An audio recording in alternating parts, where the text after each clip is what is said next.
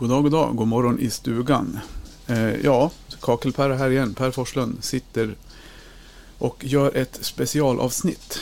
Eh, vi har ju släppt ett avsnitt om där vi har en intervju med Roberto Freddi från Imola Keramica. Där han reder ut lite grann hur han och Imola ser på det som händer just nu i Europa med råmaterial, gas och hela, hela det paketet. Det har ju florerat en hel del information och eh, jag kände att det kunde vara läge när vi väl fick chansen att intervjua honom. Så den intervjun finns i, det, i ett, av, ett av avsnitten. Eh, kriget och kaklet, eller vad jag kallar det för. Men jag tänker att det är ju ett långt avsnitt och de som mer vill ha snabb information om det och vill lyssna på själva intervjun bara så kommer jag klippa in den intervjun i det här avsnittet. Jag kör själv idag utan sidekick för Mike han ligger och sover. Stackarn, han är trött.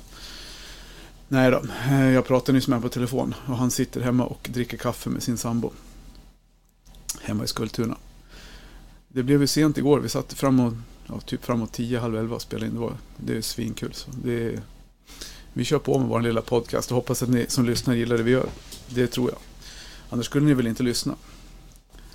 Så, nej, men så bakgrunden är ju att, Eh, som alla vet, att kriget kom och gasen har ju pågått länge för att Ryssland har använt gasleveranserna som någon form av utpressningsmedel och höjt priserna och det har ju påverkat, eh, påverkat branschen ganska hårt. Och som vi har förstått det så har ju, har ju gasen har kostat ungefär 20 cent per kubik och eh, nu kostar den, eller kostade när det kostade som mest så var den uppe på 1 euro och 90 cent per kubik ungefär. Alltså nu roughly som de säger. Vilket betyder att det är ju flera hundra procents ökning. Och det fattar ju vem som helst att någonting som är oerhört väsentligt för att tillverka keramik. Om priset på det ökar så dramatiskt så får det påverkan. Jag har pratat med ett antal kakelagenter som representerar ett stort antal fabriker och det, de säger ju alla samstämmigt att gaspriset är det stora hotet mot eh, viss produktion. Eh, de flesta producerar som vanligt för fullt. De producerar eh, allt som inte är så energikrävande utan de kör de här eh, storsäljarna, de, de eh, kollektionerna där de tjänar pengar. Eh, och då pratar jag om italienska producenter, jag har pratat med spanska producenter och de säger samma sak. Jag pratar med några portugisiska fabriker och de säger samma sak. Att där är ju krisen mindre i Portugal på grund av att de har ju eh, gas från annat håll. Där har gaspriserna gått upp överallt eftersom då vill alla köpa gas från andra ställen. Så, så gasen är ju ungefär samma problematik. Men alla producerar och lagren är till viss del välfyllda. Eh, sen blev det ju en effekt av att eh, det blev någon form av storlarm i branschen. Så blev det ju effekt av att alla skulle bunkra, ungefär som när toalettpappret tog slut i, på corona där. Alla blev skitnödiga och kände att nu måste vi ha 40 balar toapapper hemma. Så köpte folk på sig kakel hejvilt. Så det gjorde att lagren tömdes. Och eh, ja, som ni kommer höra i intervjun så blir det, kan det orsaka problem också hur man hinner producera. Men eh, så, ja, jag, ni, här kommer i alla fall intervjun. Det var ett litet uppsnack eh, och en liten inramning. Så här kommer intervjun.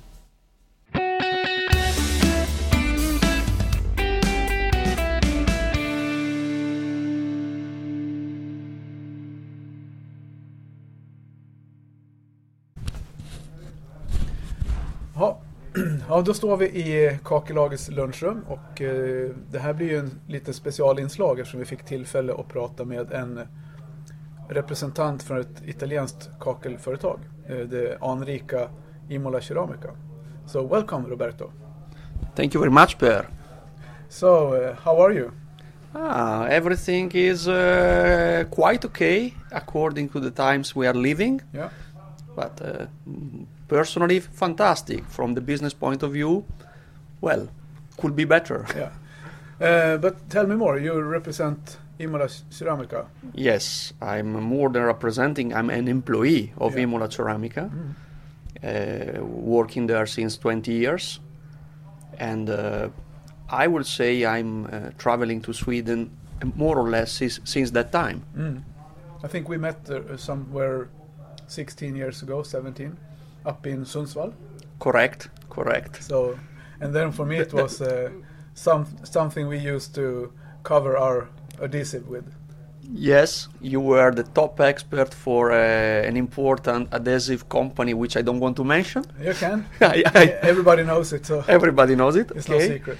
It was probably your first uh, or second or third approach to the tile business, and maybe that time was uh, something was clicking on your mind Yeah. about the nearest future, or or maybe the plan was already established, or more or less there.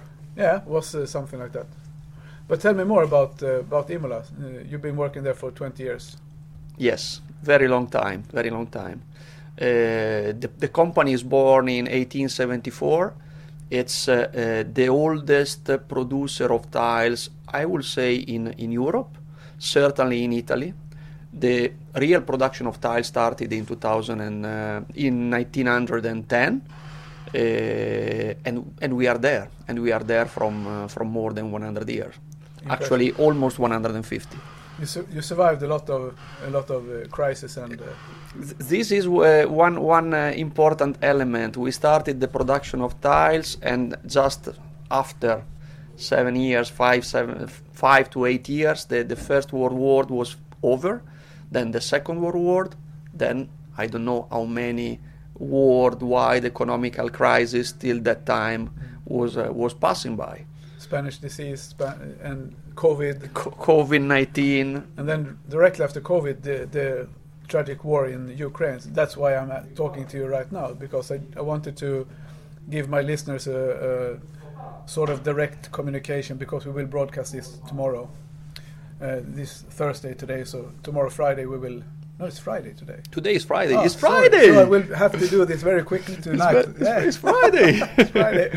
So this will go out today or tomorrow. So some sort of direct communication from from the tile industry in, It- in Italy, and uh, you, I think you can give a picture of the of the tile business in general. So give me your point of the what's happening at the moment. Well, to describe a general picture uh, of the Italian producer that are more than 200 is not uh, is not possible. I mean, I can I can more tell you about us uh, because there are uh, many peculiarities and many and many specializations of the different tile companies which are covering many many fields. So I, I, it is very difficult to co- to make a picture complete. But concerning us, I will say that we are the, our production going at full speed. Uh, we have uh, no uh, doubt about uh, the fact that we want to produce. Uh, the only real question mark is the energy, the energy cost. That is the only thing that can create some um, some turbulences. But at the moment, at the moment, we are going at full speed, and uh, we are not forecasting any any interruption.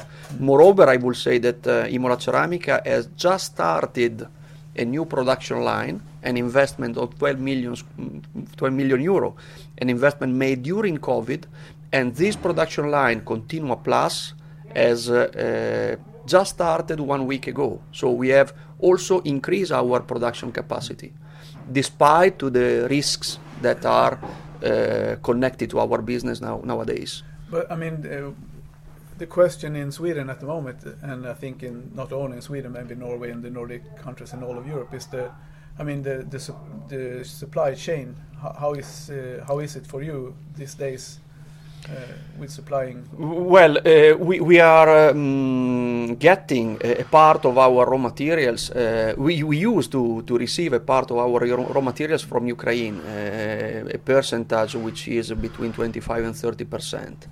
Uh, but uh, raw materials uh, are is possible to search also in other in other countries. Uh, all the um, production department of all the Italian companies are now testing and analyzing different raw materials from different part of the world. And I don't see this as a, ma- a major problem for, for the future. The, the very unique material from uh, Ukraine was a, a special typology of kaolin, but that kaolin can touch maybe 10% of our items, no, not more than that, and uh, we are really we are sure that we, we, we can find a substitute for that. So, so you, if I understand you right, it's uh, not uh, I mean, you have your production is running as as normal. You have just uh, chosen not to produce certain items due to the ah yes. th- th- th- this I didn't mention. That's true. That's true. We we have uh, decided for the moment to frost the production of the 2 centimeter material. Uh, I know that there is already discussion inside our company to uh, restart this production at the end of uh, May. But that was uh, a decision taken in the moment that the war started, in the moment that the, the energy cost and the peak was very high, uh, which was a, a, a bit a bit scaring because uh, some of the productions are more energy consuming than others. So you have to try to optimize uh, your offer and uh, to, to keep serving the, the market at the best. So, so the difference and the effect of this is more or less that you have full production. Uh, if you summarize it, you have full production, but you're having trouble to fill up the stock because it's a high demand, and you have been. The, the high demand started already at the pandemic time. Uh, at that moment, I think many Italian companies, including us, had a lot of stock. Uh, but then the lockdown that forced the, the closure of the factories for a while, for uh, four or five weeks. Then the, the, all the consequence of the COVID uh, shrink down and reduce a bit the production capacity. Uh, d- due to that, we, we were already a bit suffering delivery delivery delays. Uh, then all the uh, alarm about uh, possible production stop increase even more the number of orders that uh, we are receiving.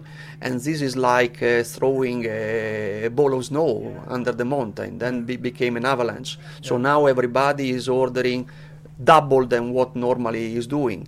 And the industry is not that flexible. In imola imola brand we are able to produce uh, 1.2 1.3 million square meter per month. Not more than that.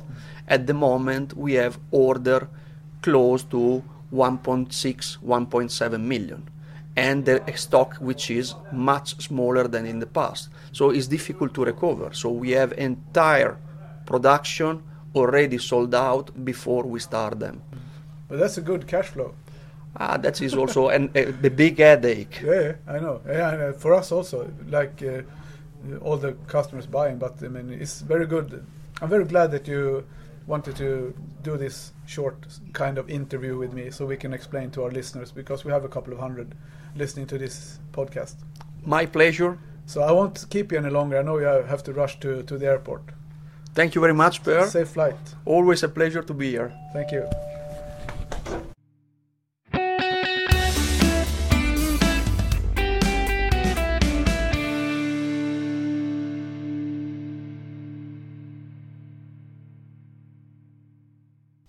Ja, det var Roberto Freddi från Imola Keramica och vi har som, som, ni, som vi säger i intervjun, vi har ju handlat med Imola i Västerås sedan 2008 och det har ju alltid funkat bra. Eh, de har ju alltid en, säljer mycket, alltså, har ju i första hand mest, mestadels första sortering. Eh, man får ju nästan knappt ens köpa andra sortering. Så man, han berättade för oss idag, vi åt lunch tillsammans, så berättade han för oss att det är en förlust för dem att sälja någonting, andra sorteringar som det är ju någonstans ett, en, eh, ett misslyckande för dem att de inte lyckas få ut maximalt ur en produktion. Så någonstans 3-4 procent, mellan 2 och 4 procent eh, andra sortering och resten måste vara första sortering. Blir det över 5 procent så är det ingen bra affär för dem. Och, eh, så det har ju med kvalitetskontroll att göra och då beroende, på menar, hur moderna maskiner man har och hur noggrann kvalitetskontroll man har så släpper de väl inte igenom mer än de här procenten. Ja, nej men så det var allt vi hade för det här korta specialavsnittet och jag hoppas att ni lyssnar på andra avsnitt och delar i era sociala kanaler och lyssnar. Vi har mycket bra information och matnyttigt i podden. Så lyssna och dela. Tack för mig.